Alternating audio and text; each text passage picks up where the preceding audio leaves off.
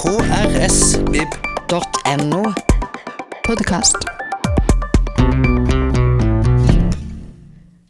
Ja, velkommen og gratulerer med bok, Sylfest Lomheim. Takk skal du ha.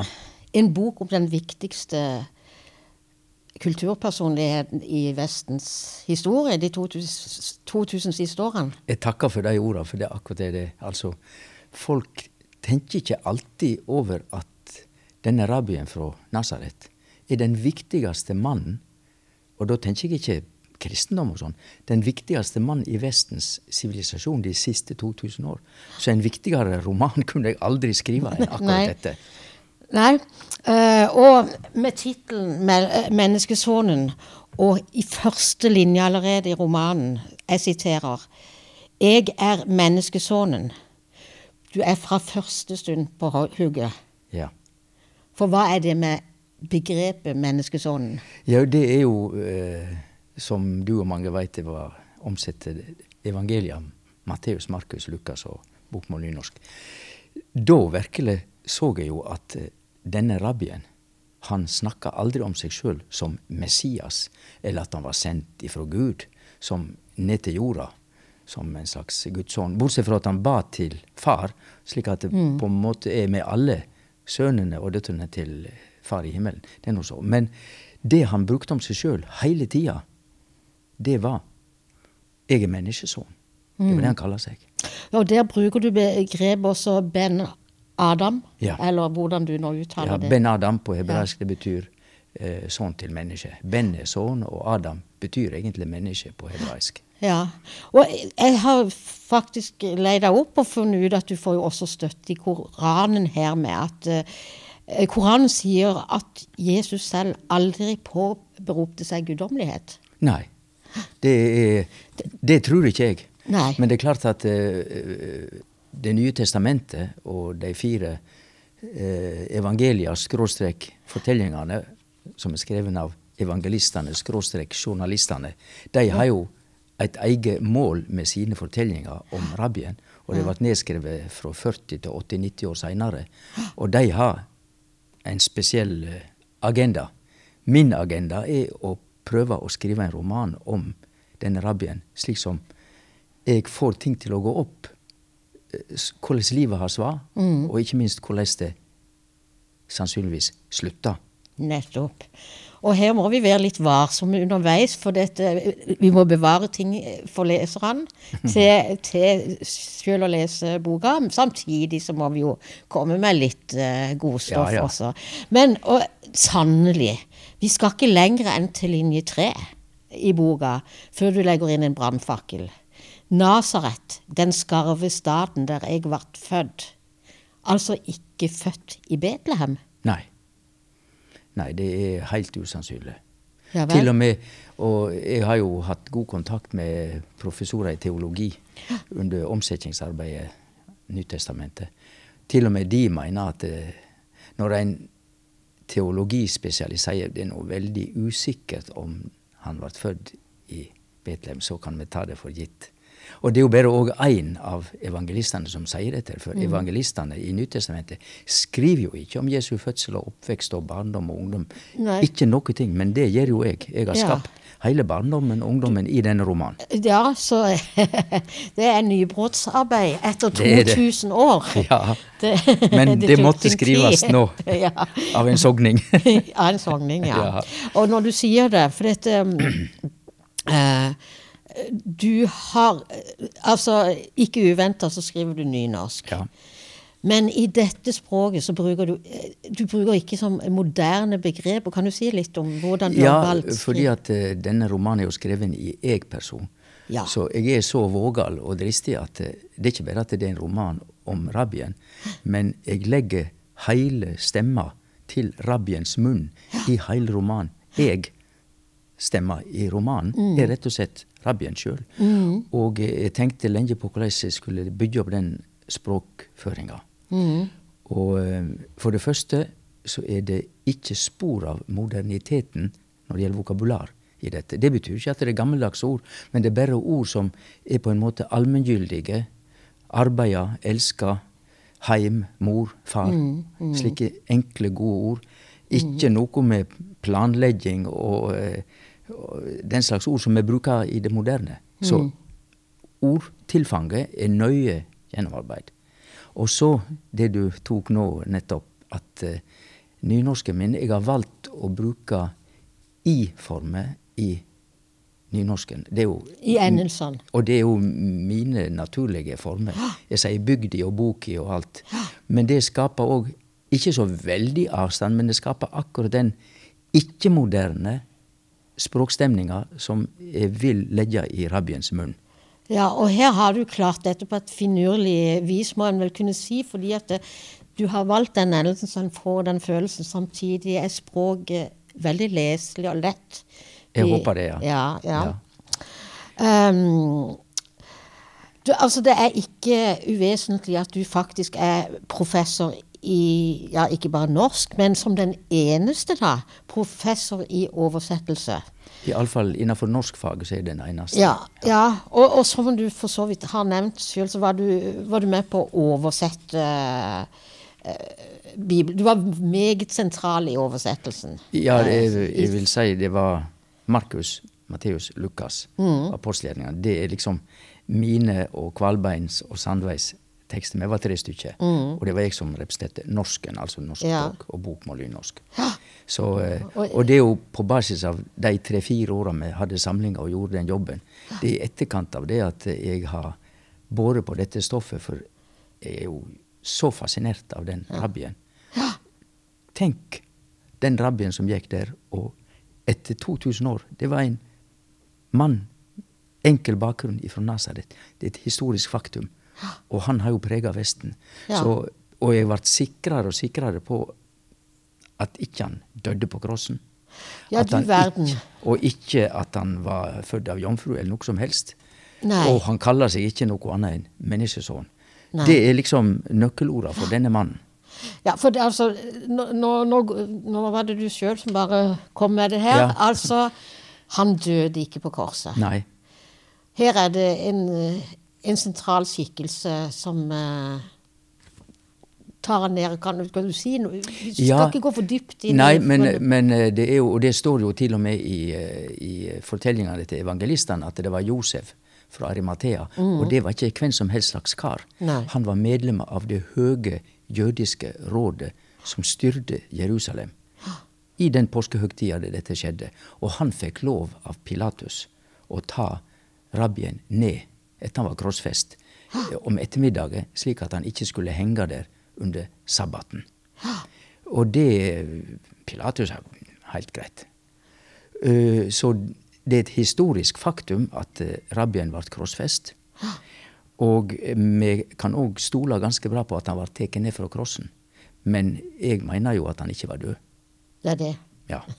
Og det har, det har vel hendt større under i mennesket si soge at en mann har overlevd, ikke godt, men overlevd seks timer på krossen og med forutgående pinsle, banking og hudfletting og alt. Men likevel, at han overlevde, det er ikke noe vanvittig eh, eh, tru eller påstand. Nei. Men eh, Men Det- det rykker jo vekk det, det kristne grunnlaget for at han sto opp fra de døde i grava der. Ja, altså, nå går jo vi inn i påska her. Altså, jeg må jo si Du, du, du forrykker jo hele budskapet her. Ja, jeg er, jeg er ærlig og sikkert litt vågal, fordi jeg håper jo at ikke for mange blir skuffa over at jeg skriver dette. Men jeg har voldsom fascinasjon for denne mannen, og i den grad det går an å skrive et menneske opp, Ja. så gjør jo jeg det i denne boka. Det er ei seriøs, skikkelig framstilling av en radikal Ja. og uh, radikal rabbi som virkelig ville gjøre noe for mennesker som levde rundt seg.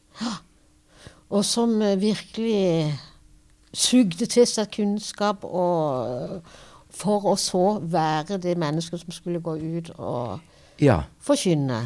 Og så, siden du har lest boka, Randi, så vet du òg at eh, i uh, min eh, livsfortelling om rabbien, så får vi òg innblikk i de hendingene som faktisk gjorde at han tok på seg den rollen etter hvert. Og at han faktisk med åpne øyne risikerte alt i Jerusalem. Han visste ikke hvordan det gikk, men han risikerte alt med åpne øyne. Ja, da skjønner dere har uh, spennende ting i vente. Jeg skal ikke eh, avslutte helt med dette med oversettelse, for du har altså kalt bibeloversettelse for uh, oversetterfagets Mercedes. Hva mener du her? Ja, det, Med det mener jeg at da Bibelselskapet spurte meg om å være den norskansvarlige under evangelieoversettinga Jeg har aldri hatt et så spennende og lærerikt verv som språkmann som det. Og der måtte jeg òg være ganske audmjuk i samtale med de to andre som var med og bestemte dette her. Setning for setning. Men jeg lærte jo så masse. Så dette er Mercedes-jobben jeg har hatt som språkmann. Ja, ja og, og det er klart det, det, det virker tydelig at du er fascinert av Bibelen. For dette, du har altså nå skrevet to romaner. Den første, andre Samuels bok, er jo da henta fra Gammeltestamentet. David og Batsiva. Ja. Mm. Og så går du da over i evangeliene i Nytestamentet her. Så, så Og nå så er det slutt. nå Nå er- har jeg skrevet de to romanene som jeg skulle skrive. Du verden. Altså, Ja. du har skrevet Gammeltestamentet og Nytestamentet. ja. ja. ja, men eh, du, vi kan fremdeles møte deg som forfatter, men du Det legger er fra deg Ja. nå igjen. Jeg skriver jo i Klassekampen hver uke, Ja. Jeg er ikke akkurat noen prest når jeg skriver der. Du sier at det er Jesus skikk... La, la oss få det avklart med en gang. Du skriver ikke Jesus. Du Nei, omtaler han, han, ikke som Jesus. Han heter aldri Jesus. Nei. Det er noe vi lærer i skolen, men det er jo bare tull. Det vil si, Jesus er det ordet som blir brukt på gresk av evangelistene når de skriver fortellinger om han på gresk. Men hans morsmål var jo arameisk, nede i slekt med hebraisk. Han heter aldri noe annet enn Jeshua. Og eh, mor til Jeshua heter jo ikke Maria heller. Det er òg gresk form. Hun heter Miriam. Ja. Og, eh, men Josef er Josef. Og derfor er det flere ord i denne fortellinga der han sitter og forteller, der vi møter ikke helt de ordene vi er vant til å møte. Og vi kan til og med ta Oljeberget. ja. Fordi at eh, det veit jo alle det står omtalt mange ganger i evangeliet, att og fram i påsken. Men ikke din roman. Nei. Jesus, altså Jeshua, og følgesveinene hans, de gikk over olivenåsen att og fram flere ganger. Og det er jo en olivenås, og det er det som er rett omsetning fra grunntekstet òg. Det er en ås der det er fullt av oliventre. Og Getsemane, som ligger ved bunnen av den åsen der, like ved bymurene, det er jo òg selvsagt et hebraisk stadnavn, og det betyr oljepresse. Det var det det pressa olivenene. Selveste Getsemane. Ja. Og Betania på den Ja. andre sida, det kjenner vi jo som navn på frikirke, ikke sant, og masse penger av og til. Eh, Eh, Jeshua og følgesveinene tok jo inn i Betania den veka de skulle være i påsken. der. De hadde ikke råd til å være inne i byen, og det var overbefolka av tusen på tusen av jøder fra alle verdenshjørner. Og Betania, det navnet der, betyr rett og slett fattiggrenda. For Bet betyr hus eller grend. Vi har det i bet lehem. Det betyr brødgrenda. Og Betania betyr fattiggrenda. Og de går att og fram flere ganger i løpet av påsken, selvsagt. Inn i byen og tilbake igjen. Og da går det gjennom Getsemane. Oljepressa, som det betyr. Ja. eh, ja. Du vet, Oljeberget, hvis vi har det på norsk, det er jo bare én ting, det, og det er oljefondet eventuelt. Det er et oljeberg. Det har vært veldig misvisende, ja. Ja. Eh, så, så, så den oppklaringa var veldig fin å få. Men altså, som du sjøl sier, så skriver du da eh, så, så er det jeg. og Det er Jesus, eller eh, Ja. Skikkelsen. Ja. Og den grepet er at vi er ca. ni dager etter eh, den såkalte oppstandelsen, som viser seg ikke er Du har lest godt, for det, det er Og kanskje det er siste dagen han greier å være i live. Ja, kanskje det. Ja, det veit vi ikke, og det blir jo avslutta før, men han sitter der, ja, eh, like vest for eh, Kafarnaum, som vi sier, altså Kapernaum, og prøver å få krefter, men det står veldig dårlig til. Og da begynner livet å gå gjennom hodet hans. Og det er derfor han ser bort på åsen litt lenger borte. Da, da skimter han Nasaret. Mm. Fødegrenda si, blant annet. Men eh, Og han husker sin kjærlighet. Ja. Han var vinarbeider i to sesonger. det var han, og der møtte han den store kjærleiken. Og det var et av to-tre veldig avgjørende ting som hender i det livet jeg forteller om. Den kjærleiken er ufattelig sterk og flott og jordisk. Ja. Og du, som i forrige roman, så har du liksom Du har nyskapende ord.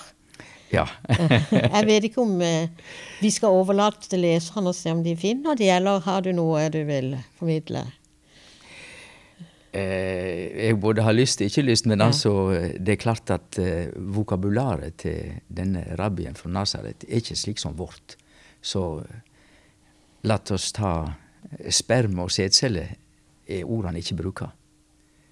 Det ordet han bruker, for han har faktisk behov for å bruke det en par ganger, det er livsmjølki. Livsmjølki. Det syns jeg er flott. Og eh, jeg skal ikke si mer, men det er jo jeg som har laga det, og jeg er fornøyd med det. Ja, ja. Så, og sånne godbiter er det jo, eh, eh, i likhet med spr språklige eh, godbiter, så, så, så den rommer jo så mangt, egentlig sånn. Og her finner vi også svar på enkelte undere. Og, Ja. Som når dette med at Jesus gjør vann til vin og sånn. Men du, jeg syns vi skal overlate litt uh, til Det kan vi jo også, at han stilte stormen på sjøen da de skulle over på andre sida av Genesaretsjøen. Mm. Det har sin forklaring. Og han visste hva han gjorde. Ja, nettopp. Ja. um, ja. Jeg må jo si, altså Han, han har talegave, denne mannen. Åh Å ja. Jeg skulle likt å høre på han. Ja. Jeg skulle gjerne hatt et lydbandopptak av eh, For er det noe som virkelig var han, og det ville han Det var virkelig det som var hans måte å gjøre noe for andre mennesker på. Det var å snakke. Og han kaller det det levende ordet. Og jeg må jo si at eh, jeg tror ikke jeg skjønte hva det betydde, for jeg er jo oppvoksen med bedehusbakgrunn. Det levende ordet er så høytidelig som bare det. Men jeg skjønte iallfall da jeg jobba med evangelia, det var hans uttrykk for å snakke. Snakker du til andre mennesker, så er det ord som lever. Ja. Det er makt i snakking. Makt i snakking som Skrifta ikke har. Og det er derfor at det levende ordet var det han brukte. Og han kunne virkelig bruke det. Du all verden. Tenk på bergpreika. Ja, og den mimrer han faktisk litt om, og virker Ja. egentlig litt sånn fornøyd sjøl med Ja, han syntes at han fikk det til. Ja, Den dagen, Ja. Mm. den preika jeg. Den, Da fikk jeg til preika mi. Og han sitter jo faktisk i grasbakken der Ja. vest for eh, Kafernaum, Mm. eh, der han holdt den preika. Mm. Så han, han husker tilbake så på den preika, der han sitter aleine og er dødssjuk. Eh, men der han sitter, så beskriver du han også som ja, han, er jo, han er jo under 40, og sånn, men som en gammel, tannløs mann. Ikke Å, den ja. glorifiserte Jesus vi oh, ser for oss. Og nei da, han eh, hadde sikkert ikke mye tenn igjen, og han var eh, Han hadde ikke fått Kostholdet gjorde jo at de ikke fikk den balanserte næringa på den tida som vi har i våre dager. Så Og eh, snittalder på en mann var litt over 40 år. Slik at eh, når han gjorde den gjerninga si, han bestemte seg for at han skulle det, så var ikke han en ung mann, som vi leser inn i det, i vår tid. Nei. Han var, Hvis han skulle gjøre noe, så måtte han slå til da, og han gjorde det. Eh, og det er derfor òg at faren, som ikke var far hans men han snakka jo om Josef, selvsagt, som var en skikkelig kar. Og eh, på den tida er jo Josef død for lengst. Og han var jo mye eldre enn en, eh, mor til Jesus, hun Miriam, som han egentlig redda, fordi at hun var jo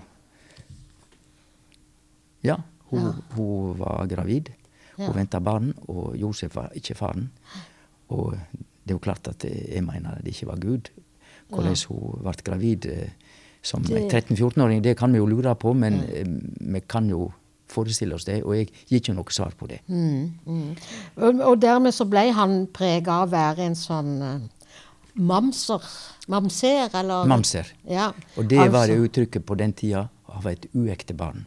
Og det var skam. Ja. Og du kunne aldri komme vekk fra den skamma. Og Og, det, var det- det han vokste opp med. Den biten av det der menneskelighet gir du et sterkt inntrykk av her.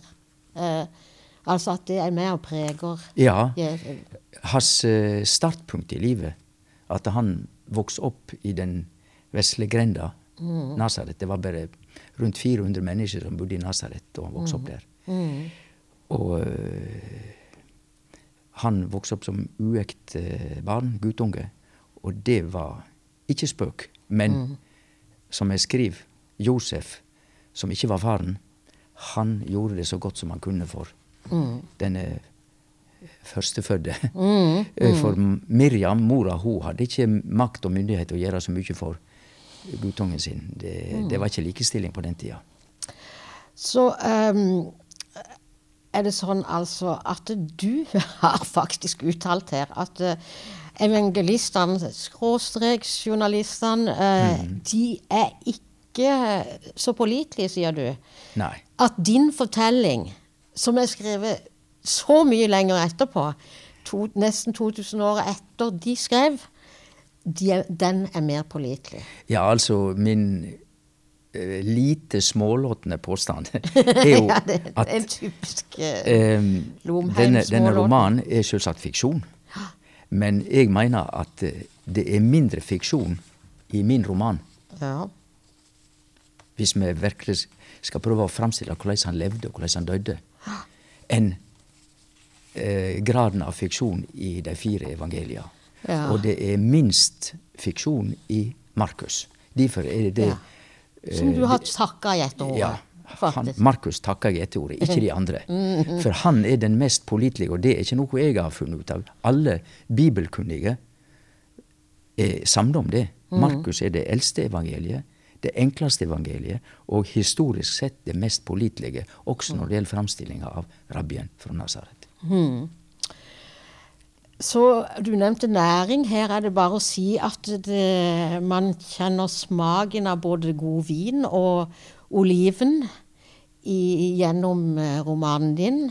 Så får vi håpe at folk ikke setter lammelåret i halsen når de leser 'Menneskesonen'.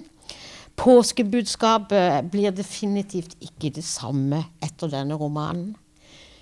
Tusen takk for at du ville komme til denne påskespesial fredagslunsjen. God påske til deg, Og takk for at jeg fikk komme. og god påske til dere alle. Håper vi kan ses snart. Flere podkaster fra oss finner du på Google Podkast, Apple Podkast eller iTunes, eller ved å stikke innom vår hjemmeside på krsbib.no. krsbib.no. Podkast.